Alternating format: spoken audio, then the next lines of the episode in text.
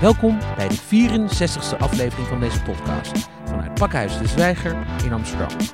Mijn naam is Maurice Seleki en ik spreek met Rutger Groot-Wassink, wethouder Sociale Zaken, Diversiteit en Democratisering van Amsterdam. Op woensdag 26 februari is hij spreker tijdens het programma Eerlijke Algoritme. En op dinsdag 3 maart tijdens het programma Amsterdammers maak je stad. Beide in Pakhuis de Zwijger. Beste Rutger, welkom. Dankjewel. Als uh, wethouder Sociale Zaken, Diversiteit en Democratisering van Amsterdam zet jij je in voor het vergroten van zeggenschap van burgers bij de besluitvorming in de stad. Je hebt enorme vertrouwen in de wisdom of the crowd en je bent dan ook voorstander van referenda. Waar komt uh, deze voorkeur uh, bij jou vandaan, deze filosofie? Nou, als je gewoon goed naar de samenleving kijkt, denk ik dat je ziet dat mensen heel graag meer betrokkenheid bij besluitvorming willen dan één keer in de vier jaar stemmen. Ik denk dat de samenleving uh, elke dag laat zien dat mensen heel erg zelf hun stad maken en dat mensen heel graag mee willen denken, mee willen beslissen. Er zijn allerlei initiatieven uh, op, die soms zelfs de, de, de klassieke overheid vervangen. Kun je nog over discussiëren of dat nou handig is of niet. maar ik zie dat mensen heel veel willen. En ik geloof zelf dat het heel goed is dat je besluitvorming zo laag mogelijk organiseert. En natuurlijk levert dat allerlei vragen op. Hè? Want wat is dan de, de meerwaarde van representatieve democratie? En dat is iets waar ik in mijn werk veel mee te maken heb. Wat is precies de verhouding tussen representatieve en participatieve democratie? Kijk, ik denk dat de representatieve democratie belangrijk is. Maar dat wil niet zeggen dat je niet ook ernaar zou moeten streven om binnen die, uh, die vier jaren dat mensen kunnen stemmen. Uh, dat je dan ook gewoon kijkt, uh, waar kun je mensen bij betrekken? en welke, welke interventies zijn daarbinnen nog mogelijk? dus ik geloof daar wel in. Ik geloof ook in referenda. Omdat ik denk dat mensen heel verstandig over het algemeen zijn. En ja, kijk, ik, ik, ik, ik merk wel dat er een soort referendumangst is, hè? zeker na Brexit. Um, vind ik niet helemaal terecht. Kijk, als je naar Zwitserland kijkt, waar gewoon een, een, een, een democratische cultuur is, waarin ze echt best veel grote dingen per referendum voorliggen aan de bevolking dan vind ik dat eigenlijk een hele mooie vorm. Het is natuurlijk de hele klassieke democratische vorm van meebeslissen. En ik ben ervan overtuigd dat als je een referendum verliest, dat je dan uh, gewoon niet goed genoeg je best gedaan hebt. Of misschien was dan een slecht besluit. Nog even over die brexit. Want dat is inderdaad het meest roemruchte voorbeeld van een referendum. Over ook echt een groot vraagstuk. Uh, sommige mensen zeggen, ja, dat was eigenlijk misschien wel een beetje te groot. Om dat zo uh, voor te leggen aan de bevolking, ja of nee, te binair. Kun je een vergelijkbaar vraagstuk noemen in Amsterdam, waarvan je zegt, nou ja, als we dat nu zouden voorleggen aan de Amsterdamse bevolking, dan is dat net groot genoeg.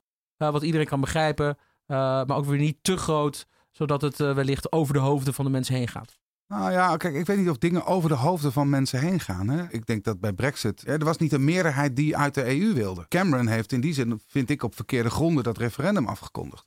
Dus ik weet niet of er dingen te groot zijn. Ik heb zelf wel ervaring met buurtreferenda. Toen ik ook in de stadsdeelraad zat, hebben we een paar keer een referendum georganiseerd over bijvoorbeeld de herinrichting van een plantsoen. Nou, dat kan echt prima. Um, maar ik zou bijvoorbeeld een referendum over een vuurwerkverbod wel heel interessant vinden. Het is een beetje ingehaald door de actualiteit. Hè? Want, want er is een vuurwerkverbod. Want we gaan natuurlijk al richting een vuurwerkverbod. In Amsterdam? Maar ook, uh, ik weet eigenlijk niet of er onderwerpen zijn die te groot zijn om niet te doen. Het zijn wel onderwerpen die te complex zijn. Hè? Je moet je afvragen of de toetreding van de Oekraïne bij uh, uh, dat associatieverdrag, of dat nou echt een onderwerp, of dat was een onderwerp wat Thierry Baudet heeft geïnitieerd. Ja, hè? Of dat nou, ja, nou ja, kijk, en eigenlijk ging dat natuurlijk over iets anders. Uiteindelijk ging dat natuurlijk over: vindt u dat de manier waarop de EU opereert een goede manier is of niet? He, dus de vraag was heel onnauwkeurig. Want ik heb geprobeerd dat associatieverdrag te lezen. Nou, er was geen doorkomen aan. Dus in die zin moet je wel heel goed nadenken wat je dan precies voorlegt. Maar ik vond zelf bijvoorbeeld het referendum op de sleepwet een heel goed voorbeeld. Dat is volgens mij een heel groot onderwerp waar een hele intensieve campagne over gevoerd is. Waar echt veel meer mensen dan daarvoor zich op geëngageerd hebben. Nou, prima. En vanuit jouw persoonlijke voorkeur of, of vanuit jouw portefeuille eigenlijk als wethouder, zou er nu, het vuurwerkverbod noem je in Amsterdam, zou er een concreet vraagstuk zijn waarvan je zegt, nou, ik zou eigenlijk best wel de stem van de burgers daarin mee willen wegen? Nou, dat suggereert bijna alsof we dat nu niet zouden doen. Hè? Dat is natuurlijk niet helemaal waar. Kijk, in zekere zin is een verkiezingsuitslag ook een stem. Hè? En moet je denk ik voorzichtig zijn om hoog gepolitiseerde onderwerpen aplomp in een referendum te vragen. Ik denk dat er een, echt een andere democratische cultuur voor nodig is. Maar het is heel moeilijk om uitzonderingen te maken in referenda, vind ik. Het moet niet over personen gaan, bijvoorbeeld.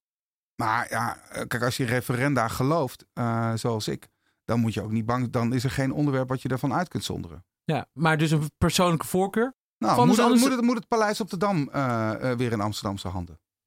Dat Dat is, is een interessante. dat is een mooi vraagstuk. Nou, dat moet is de dus, Noord-Zuidlijn worden doorgetrokken? En dan naar het noorden of naar Schiphol?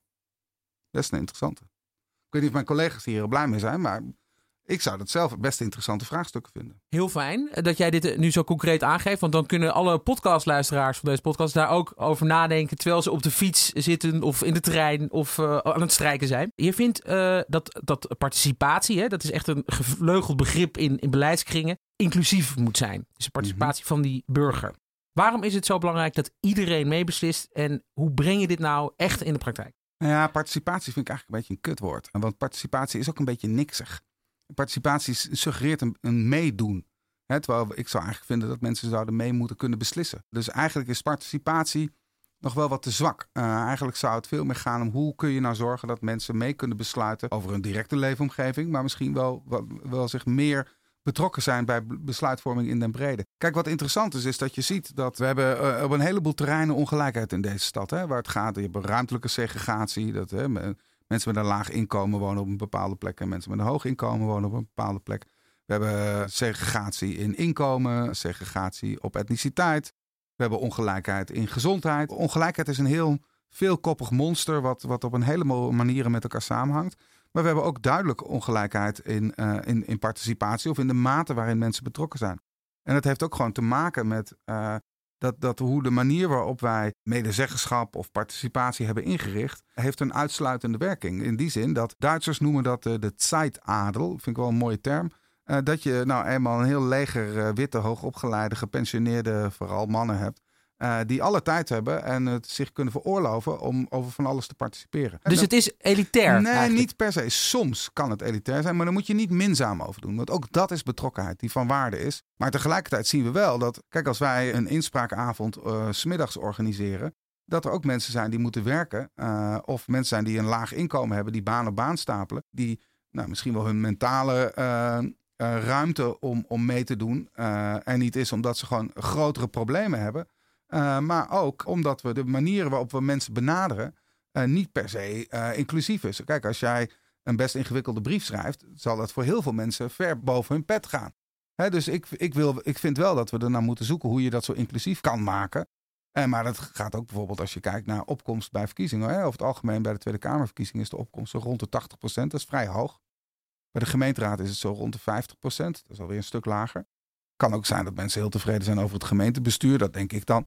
Ehm, maar als je kijkt in specifieke buurten, dan eh, zakt het soms onder de 30 procent. Je, je, je zei net dat eh, hè, bij die referenda dat het misschien wel de manier van campagne voeren is. Of dat je Mhm. niet genoeg je best hebt gedaan als, eh, als die opkomst zo als, je laag verliest, is. nou, als je verliest. Als je, en als je verliest. Maar als je dus nu gaat kijken naar eh, hoe jullie met de gemeente proberen burgers te betrekken. Mhm. En dat er dus die Zeitadel, toch een relatief beperkte groep mensen hoog opgeleid, met tijd, met de, de olifantenpaadjes ook. Hè? Ja. Ze weten ook waar ze de Ja. informatie moeten krijgen. Ze weten hoe het systeem Maar dat werkt. moeten we dus op een andere manier gaan vormgeven. En dat is Ja. een puzzel hoor. Ik heb daar geen, eh, geen makkelijke oplossing voor. Omdat het. ehm, nou, soms worden mensen inderdaad gehinderd omdat ze gewoon. eh, nou ja, sociaal-economisch er geen tijd voor hebben. Hè? Dat, is voor mij niet heel makkelijk te voorkomen.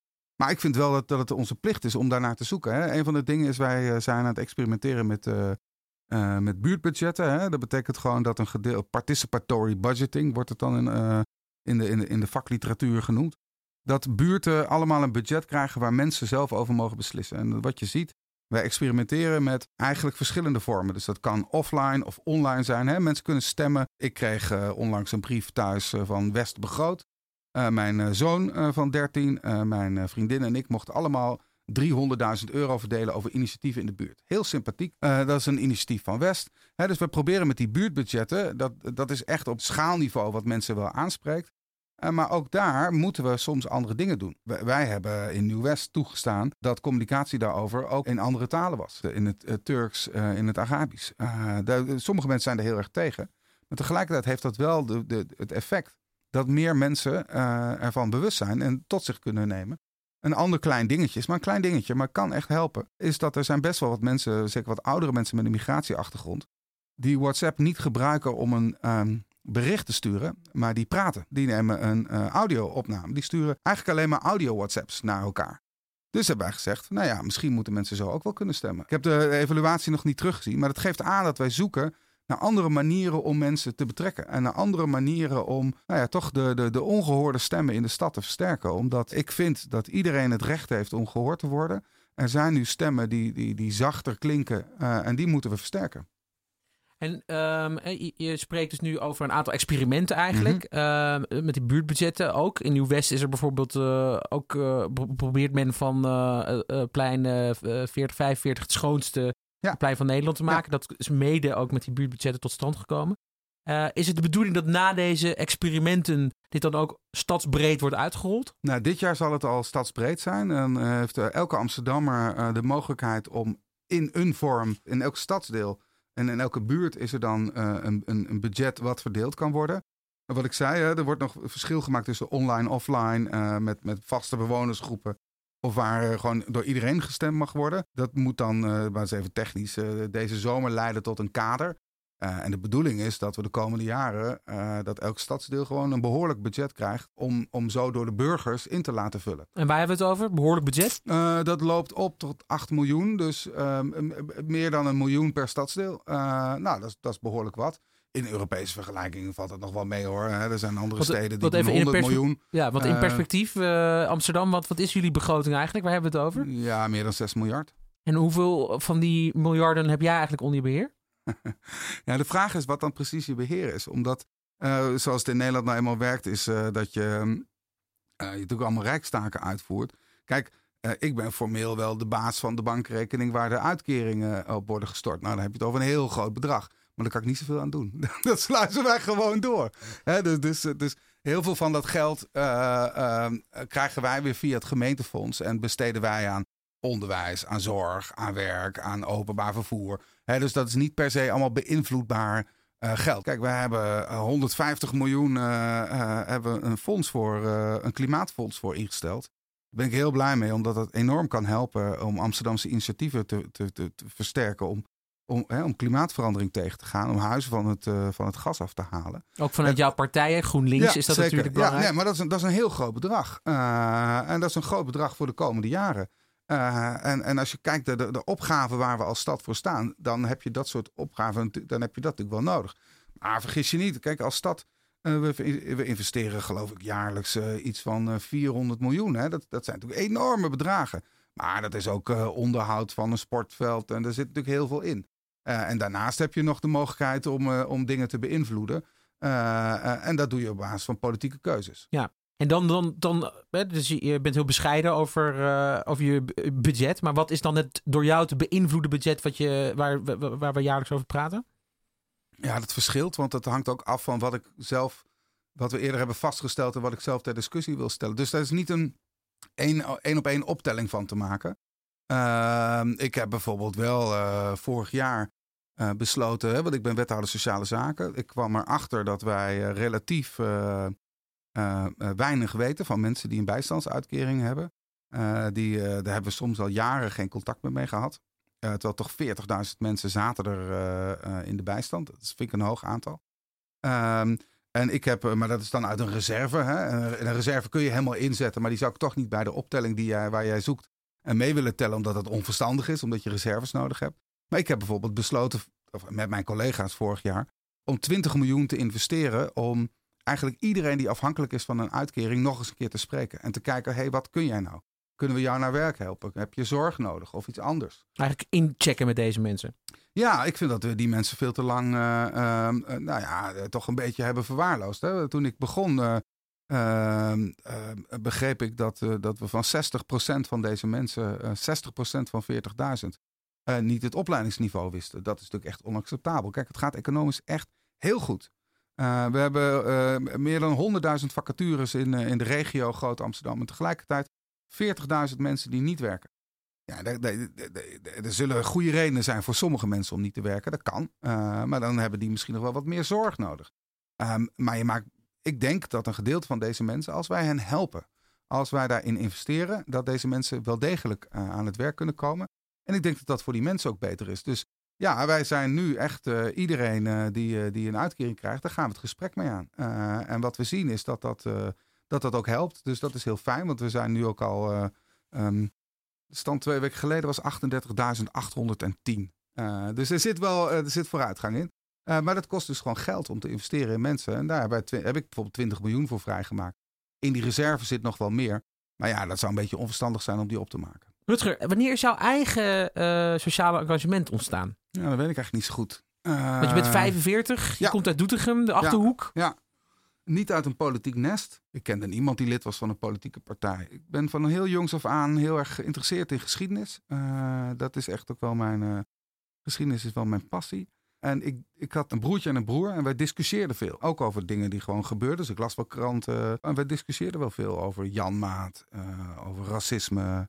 Uh, over tal van onderwerpen. Uh, Dit was dus eind jaren tachtig. Jan Maat, leider van de Centrum Democraten. Ja, ja zo, zo tweede helft jaren tachtig. Maar ja, ik denk dat het ook wel toen ik jong was... dat, het, dat ik wel op een gegeven moment ook zag dat het wel uitmaakte... in welke buurt je woonde, wie je ouders waren.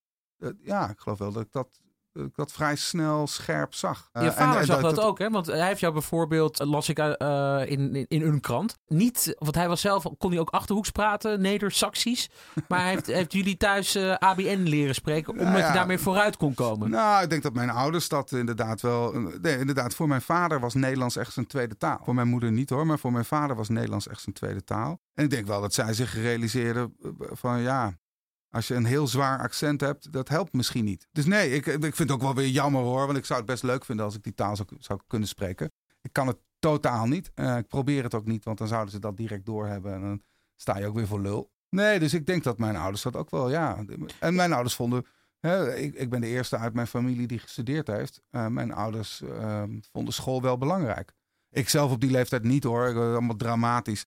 Uh, ik ben een uh, typisch voorbeeld van een stapelaar. MAVO zitten blijven, HAVO zitten blijven, HBO, universiteit. Toen kon dat allemaal nog. Hè. Nu hebben we natuurlijk die wegen echt veel meer dichtgezet. En ja, ik vond school, ik was goed in geschiedenis, goed in Nederlands. Ik vond de rest gewoon saai, stom, vond de Achterhoek niet leuk. Uh, dus dat had gewoon tijd nodig voordat ik zover was. En daarom vind ik het ook zo slecht dat we nu echt op een, nou ja, die, die selectie hebben zoveel eerder gelegd en zijn veel minder mogelijkheden om te stapelen. Dat vind ik heel slecht. Komt ook nog bij dat leenstelsel bijvoorbeeld. Dat is natuurlijk ook rampzalig. Hè? Ik heb zelf deze week mijn studieschuld afbetaald. Oh, gefeliciteerd. Uh, ja, dat is, een uh, is dat een scoop? Dat is eigenlijk een scoop, uh, hè? Nou, ik heb er op Instagram iets over. Ik heb er iets over op Instagram gezet. Want ik was er zo blij mee als je je studieschuld afbetaalt en je logt in bij die duo-types. Dan krijg je ook een groen vinkje. U heeft alles afbetaald.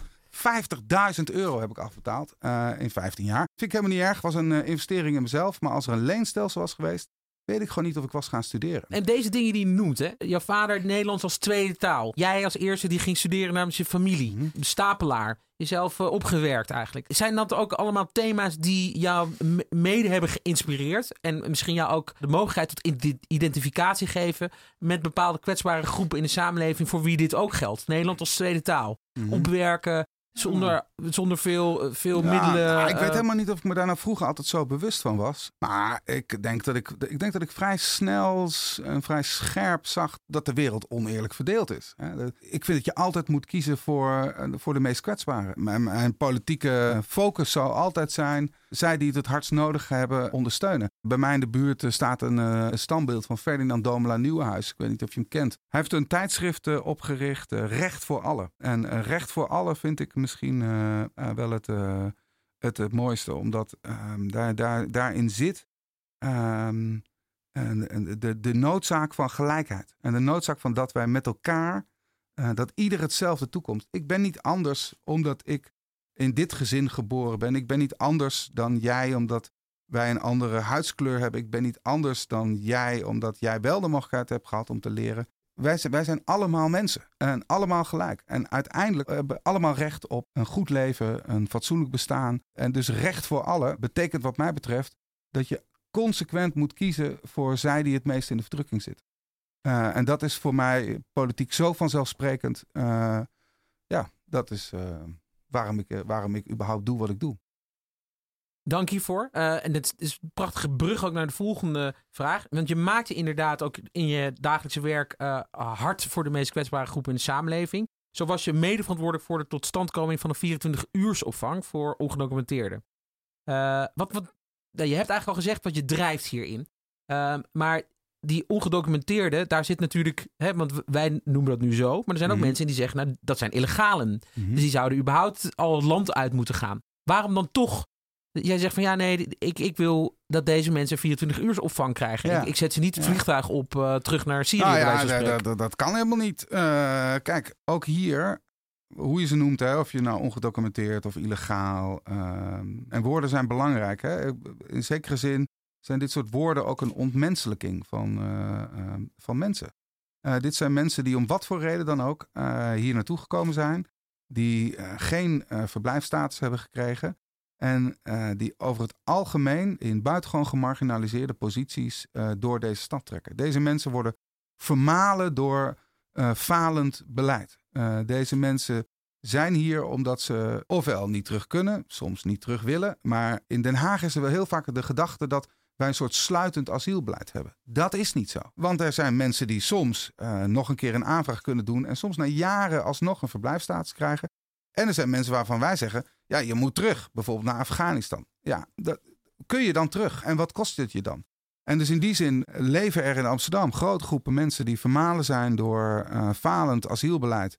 En dan kun je twee dingen doen. Je kunt die mensen opjagen, je kunt die mensen vastzetten. eh, maar ik vind dat niet menswaardig. Ik vind dat we moeten kijken met die mensen samen. We moeten die mensen eh, de helpende hand toesteken. En we moeten kijken of ehm, eh, waar het perspectief voor die mensen is. En dat perspectief kan soms in Nederland zijn, eh, omdat sommigen alsnog een verblijfstatus krijgen. Of dat perspectief ligt wel degelijk anders. Maar dan helpt het niet om mensen op te jagen, geen rode cent te geven, waardoor ze veroordeeld zijn tot een survival mode. Eh, wat je moet doen, is mensen hun menselijkheid teruggeven en met hen praten. We hadden hiervoor een bed, bad, brood. Hè? Daar was ik niet zo'n voorstander van. Omdat je mensen dan wel een bed en, een, en brood en eh, de mogelijkheid tot douchen gaf. Maar tussen, tussen tien en vier eh, werden die mensen op straat gezet zonder enige inkomsten. Ja, dat is niet. dat is vragen om problemen. Nu hebben ze dus 24 uur opvang. Kunnen mensen 24 uur blijven, krijgen ze begeleiding om te kijken waar hun perspectief is. Wij hebben zo'n eh, 500 mensen in de opvang. We hebben een eh, wachtlijst van, ik denk wel tegen de 100. Ik denk dat er nog wel een, eh, behoorlijke groep in de stad is. En daarnaast hebben we nog heel veel mensen in deze stad. Eh, dat gaat misschien wel om duizenden. Die, die zichzelf om wat voor reden dan ook een beetje kunnen redden. Ik ken zelf een, een groep Brazilianen. Ook over niet al te lange tijd in Pakhuis de Zwijger een avond over. Nee, maar dat zijn mensen die, die, die soms op een toeristenvisum naar Nederland gekomen zijn. Het is een vrij grote gemeenschap van Brazilianen. Eh, die hier illegaal werken, illegaal wonen. Hun kinderen zijn hier geboren, die gaan hier naar school. Die kinderen die zijn Nederlands. En die gaan hier naar school, die gaan hier naar de lagere school, naar de middelbare school, zitten op sportverenigingen. Totdat ze 18 zijn. Want ze kunnen niet naar het HBO, ze kunnen niet naar de universiteit. En wat moeten we tegen dat soort mensen zeggen? Ga maar naar Brazilië. Dat land hebben ze nooit gezien. Want die mensen zijn nooit meer teruggereisd. Want dan waren ze veel te bang dat als ze dan weer terugkwamen, dat ze Nederland niet meer inkwamen. Maar snap jij dat er ook mensen zijn die zeggen van nou ja, eh, met alle begrip hè, voor, de, voor de vluchtelingen. Ja. Maar Brazilië is relatief gezien een veilig land. Eh, Ja, maar- kunnen, we, kunnen we als Ams- Amsterdam, als stad, Mhm. als Nederland zulke grote groepen mensen de voorzieningen bieden? Want op een gegeven moment, Mm. weet je wel, loop je ook tegen de grenzen van je systeem aan. Zolang Ja, voor dat begrijp ik heel goed. Ja. Kijk, je kunt Nederland niet eh, maar openzetten voor iedereen. Dat snap ik ook wel. Maar dat, dat we echt op een hele fundamenteel andere manier na moeten denken over migratie, dat is één. We, we doen net alsof we in Nederland zoveel mensen opnemen. Kijk eens naar de cijfers in, eh, in Europees verband. Wij nemen echt heel weinig mensen uit oorlogsgebieden op hoor. Ook Syriërs, dat stelt echt niet zoveel voor. Dat is twee. En bijvoorbeeld die, die groep Brazilianen. Eh, nee, ik snap best dat, dat, eh, dat je daarvan zou moeten zeggen: God, misschien moeten die mensen wel terug. Uh, maar wat zeg je nou tegen een jongen die hier geboren is, die hier 18 jaar gewoond heeft, die misschien de taal van, van het moederland van zijn ouders kan spreken? Zeg je dan, hé, hey, jij moet terug? We hadden laatst hier in Amsterdam, in Amsterdam-Noord, Daniel, een jongen. Om, om, om, om wat voor de reden dan ook is er een fout gemaakt waar de jongen geen verblijfstatus had. Het is gewoon een Amsterdammer. Die jongen had geen geldig papier, was hier dus illegaal en zou dan worden teruggezet naar het land waar zijn uh, ouders vandaan komen. Uh, ja, ik vind dat zo'n jongen die hier geboren is, getogen is, die is net zo goed in Amsterdam als mijn zoon dat is. Onvermijdelijk dat we uh, voor dat soort gevallen wel degelijk een uitzondering maken. Is onvermijdelijk. En je zei, hè, van, ja, maar die mensen, dat is niet houdbaar, want onze voorzieningen. Die mensen leven, die, die, die gebruiken, maken nauwelijks gebruik van onze voorzieningen. Die mensen leven in de, in de illegaliteit. Ja. Die mensen leven in een schemerwereld. Uh, en, en dat lijkt me zeer onwenselijk. Maar het, Ik- begint, het, ik staat, zeg- het, sta- het staat of valt natuurlijk wel met dat we onze asielwetgeving beter op orde hebben. Want wat we zien is dat mensen heel lang moeten wachten eh, eh, voordat we überhaupt een besluit nemen. Eh, en er is maar beroep op beroep op beroep mogelijk. Nou ja, daar moet je dus eens over nadenken. Ik zeg dit, ik ben natuurlijk hier bewust ook even advocaat van de duivel. Ja, maar ook Ja. juist om de sentimenten die in brede groepen van de samenleving. Hè, veel politieke partijen die, die hebben hier een hele agenda op eh, gemaakt. Anti-immigratie. Weet je wat, wat is interessant is? Dat, ja, maar gelukkig, gelukkig zie ik dat in Amsterdam nog niet zo terug. Er was een onderzoek eh, door het Parool eh, en AT5 gedaan naar draagvlak voor de 24-uursopvang. Eh, en er was toch een vrij solide 60% van de mensen die vond het goed of heel goed. Eh, en er was een minderheid van de mensen die het afkeurden. Dus ach, eh, ja, we hebben eh, verschrikkelijke rechtse en extreemrechtse partijen die xenofobie en migrantenhaat normaliseren. Gelukkig valt het in Amsterdam nog wel mee. Kijk, we, we leven in een tijd waarin eh, vreemdelingenhaat, onverdraagzaamheid, racisme en discriminatie toeneemt. Ik zie, Is dat zo? ja, dat is gewoon ook. eh, dat- is gewoon met cijfers te onderbouwen.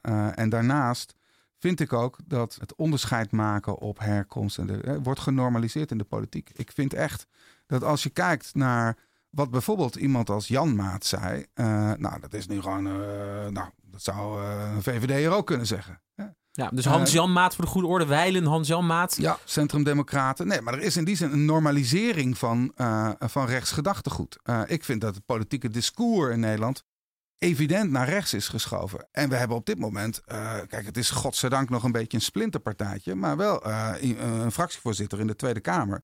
eh, Die gewoon eh, filosofeert over een dominant blank Europa.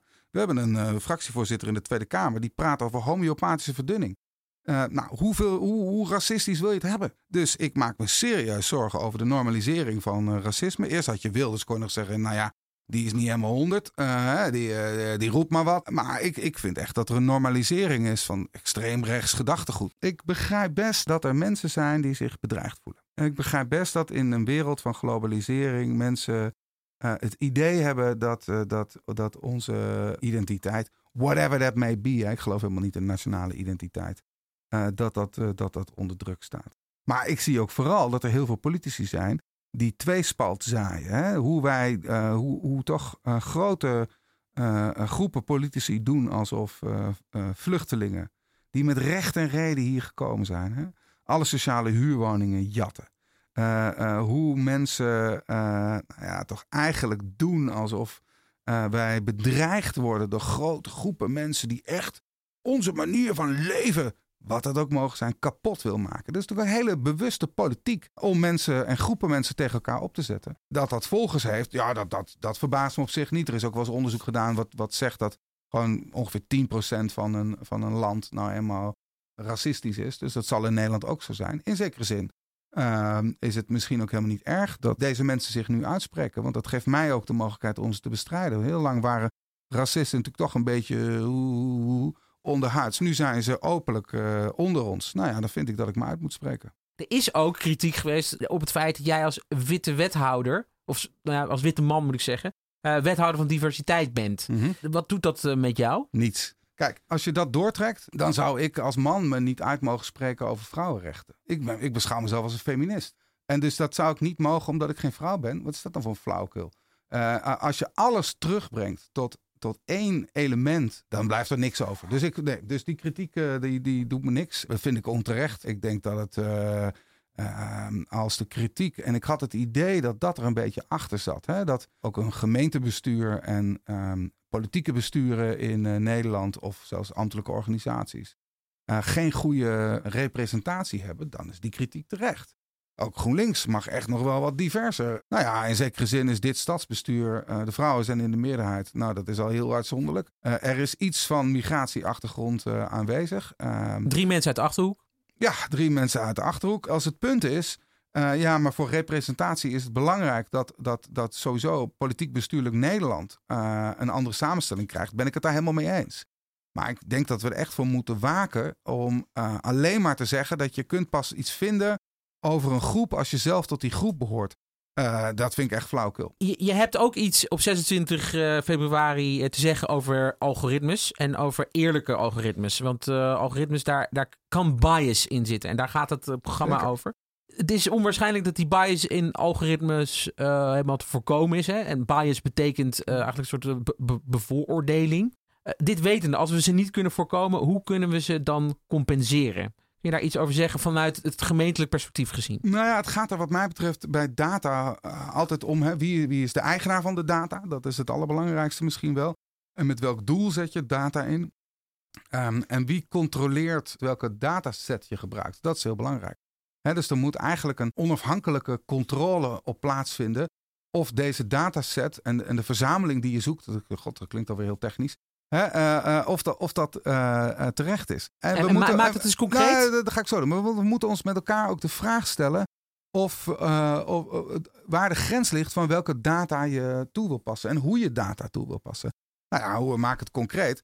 volgens mij laat die belastingaffaire, die, die, die, die, laat zien uh, hoe data slecht kunnen werken. Want volgens mij werd er gewoon gekeken naar, hey, zijn, er, zijn er mensen met een migratieachtergrond?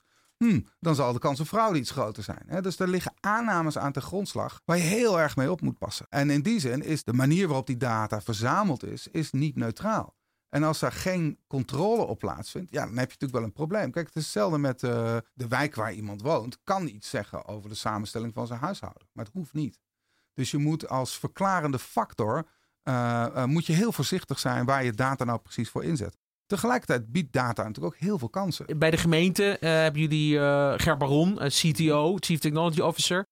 Nou, van een afstandje stellen wij ons hier zo voor dat hij over al die dataverwerking gaat met zijn medewerkers. Hoe gaan jullie, hoe proberen jullie zeg maar, die bias, die, die aannames, die soms onterecht zijn en soms misschien wel terecht zijn, maar die aannames, hoe proberen jullie die te vermijden bij de gemeente? Want jullie nou, verantwoordelijkheden zijn ja. groot als het daarom ja. gaat. Nou, volgens mij maken wij nog niet heel veel gebruik van uh, uh, dat soort algoritmes.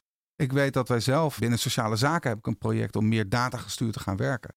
Uh, daarvan heb ik ook wel gezegd, nou, ik wil eerst wel even weten hoe dat zit en daar een second opinion op. Hè. We hebben natuurlijk een, een, een onafhankelijke groep mensen waar de namen nu even van ons schoot is, die over privacy nadenken. Hè? Die adviseren gevraagd en ongevraagd over privacy-vraagstukken. Die zouden daar natuurlijk ook naar moeten kijken. Dus volgens mij is het nog niet zo dat het heel grootschalig wordt ingezet. En gaat het erom welke tegenmacht je daarop organiseert. En nou ja, dus checks en balances. Ja, eigenlijk. en ik, ben, nou, ik, ben, ik was zelf wel wat terughoudend om uh, ook te zeggen: ja, joh, we gaan data gestuurd werken. Kijk, uh, uh, want welke data verzamel je? Uh, welke toepassingen gebruik je daarvoor? Dus voor een gedeelte is daar natuurlijk ook wettelijk kader voor. Maar het gaat natuurlijk vooral om het combineren van data. En, en, wat beoog je daar dan mee? Beoog je fraude tegen te gaan of beoog je iemand kansen te geven? Dat is natuurlijk nog weer een ander, een ander ding. Hè? Data zit mij bijvoorbeeld wel eens in, in de weg. Als je het hebt over bijvoorbeeld mensen uit Suriname die, die onvolledige AOW hebben. Hè? De, de, na de onafhankelijkheid van Suriname zijn er best wel wat mensen naar Nederland gekomen. Uh, die een onvolledige AOW hebben. Omdat wij in de toenmalige deal met de toenmalige regering gezegd hebben: ja, we zetten het nu op stil. En, en die mensen krijgen gewoon, omdat ze een gedeelte van, het, van hun tijd in Suriname woonden. Wat overigens onderdeel was van het Nederlands Koninkrijk, hè? mind ja, you. Voormalige uh, kolonie. Ja, maar hebben niet een volledige AOW. Krijgen dus maandelijks veel minder geld. Nou, is daar een regeling voor waarop je een aanvulling kunt krijgen? Uh, ik heb wel eens gezegd, nou ja, uh, de Sociale Verzekeringsbank, die weet wie onvolledige AOW heeft. Ja, die keren de uitkering uit. Die keren die uitkering uit. Dan kunnen ze mij toch zeggen wie dat zijn. Dan hoeven een mensen, lijstje uitprinten. Ja, hoeven mensen dat niet aan te vragen. Dan kan ik ze automatisch dat, dat extraatje geven. Dat kan dus niet.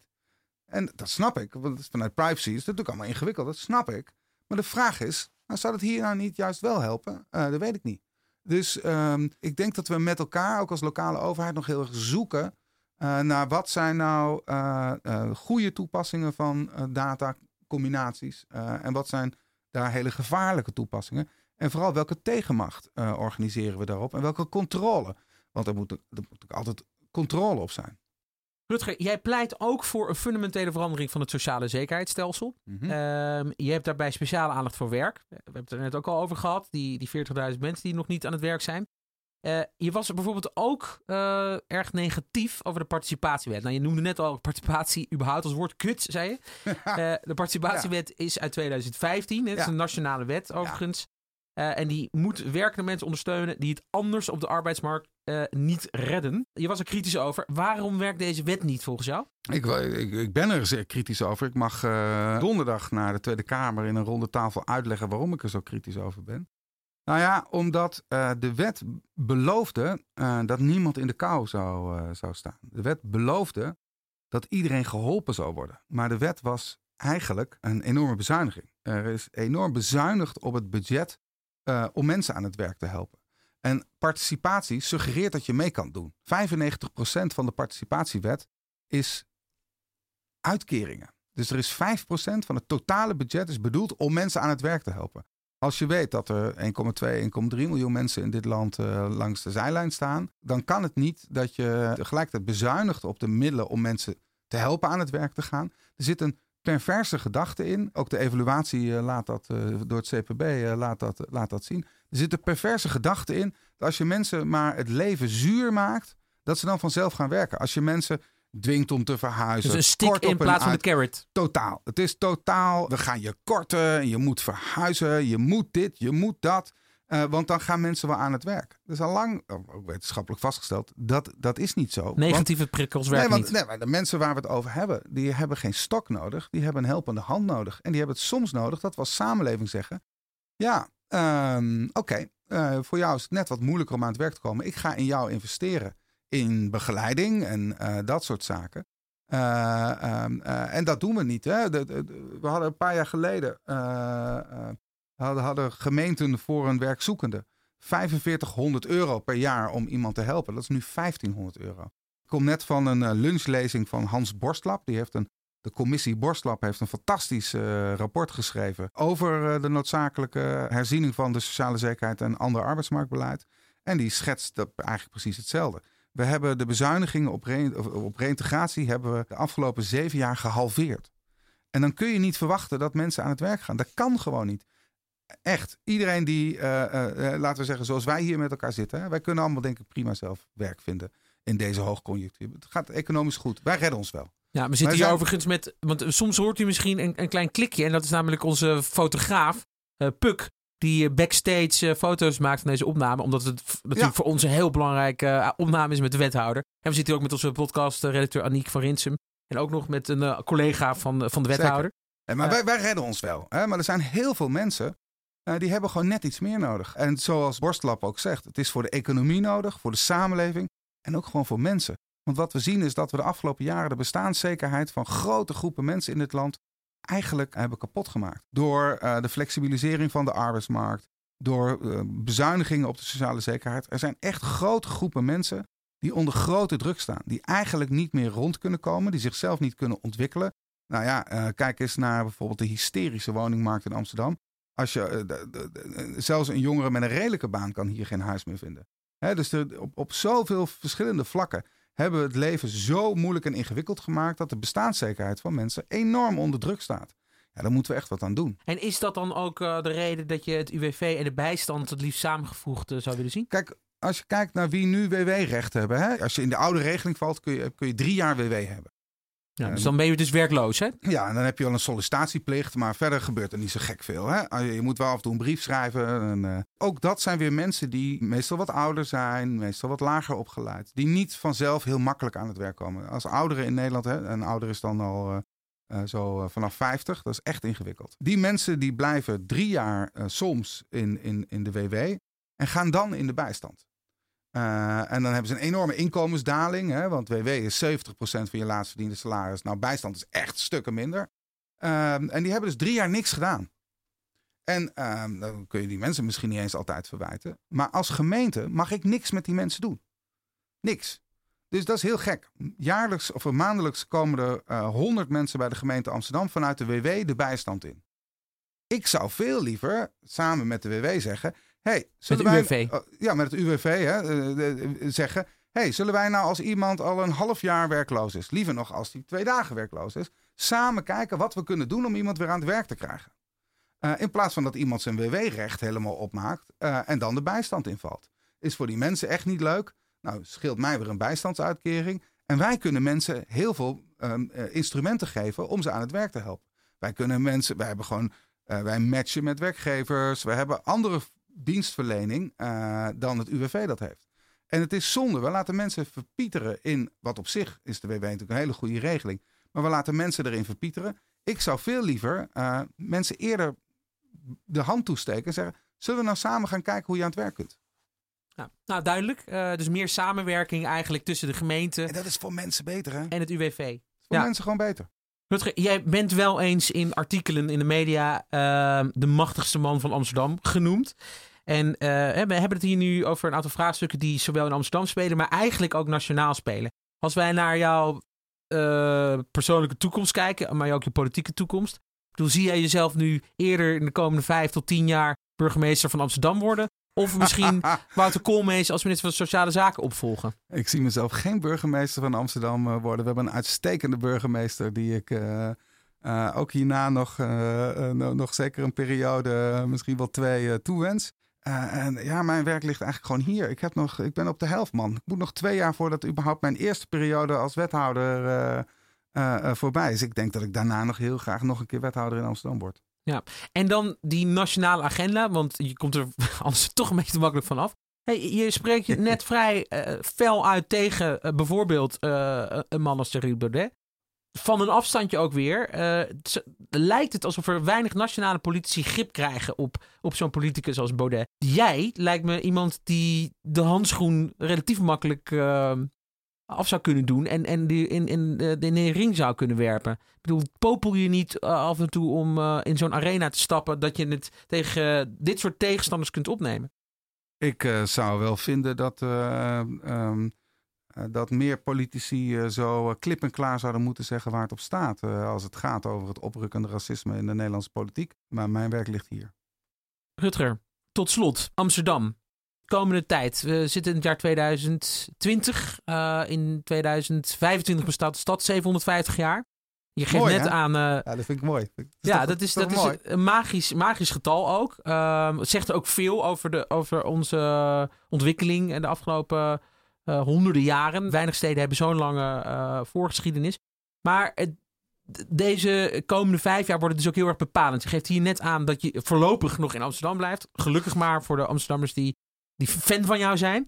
Uh, wat, zou je nog heel graag willen bereiken? Wat, wat staat er op die agenda? Wat is je verlanglijst? Uh, hoe verleidelijk ook zijn verlanglijsten uh, een beetje gemakzuchtig. Omdat uh, de echte dingen die ik zou willen veranderen... zijn helemaal niet zo makkelijk in verlanglijstjes te vatten.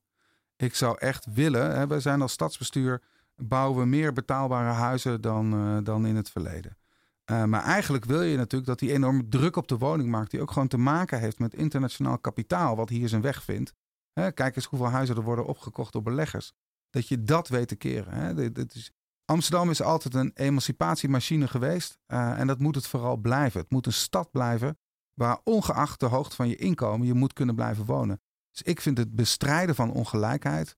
Uh, door er bijvoorbeeld voor te zorgen dat jongens met meisjes met een wat ingewikkeldere achternaam uh, net zo makkelijk een baan vinden uh, als mijn kinderen. Uh, een, een, hoofddoel. ik vind het betaalbaar houden van Amsterdam een, een doel. Ik vind het democratischer maken een doel. Maar het, kijk, als ik, ik kan nu best drie, vier maatregelen noemen. maar dat is niet waar het echt om gaat. Het, het gaat echt om de grote wissels, om de grote sporen. En dan is wat mij betreft zorgen dat Amsterdam betaalbaar blijft. En zorgen dat Amsterdam uh, socialer wordt. Uh, uh, de belangrijkste doelen. Omdat ik denk dat er in de stad al zoveel mensen zijn om bijvoorbeeld Amsterdam ook klaar te laten zijn voor klimaatverandering. Ik denk dat dat wel goed komt. Maar uiteindelijk hoe we nou zorgen dat we met elkaar um, in deze hyperdiverse stad allemaal het gevoel hebben dat deze stad niet alleen van jou is en van mij is, maar van ons allemaal is. Uh, en dat we dat gezamenlijk ook voelen en gezamenlijk daar een bijdrage aan willen leveren. Dat is de grootste opgave waar we voor staan. Dankjewel, Rutger Grootwassink. Beste luisteraars, dit was de 64ste aflevering van de podcastserie van Pakhuis de Zwijger.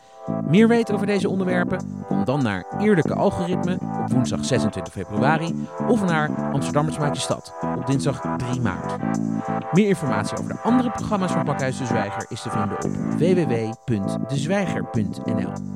Een rating achterlaten of je abonneren op deze podcast kan via SoundCloud, Spotify, iTunes of een ander podcastplatform. Dank voor het luisteren en tot de volgende keer. Thank you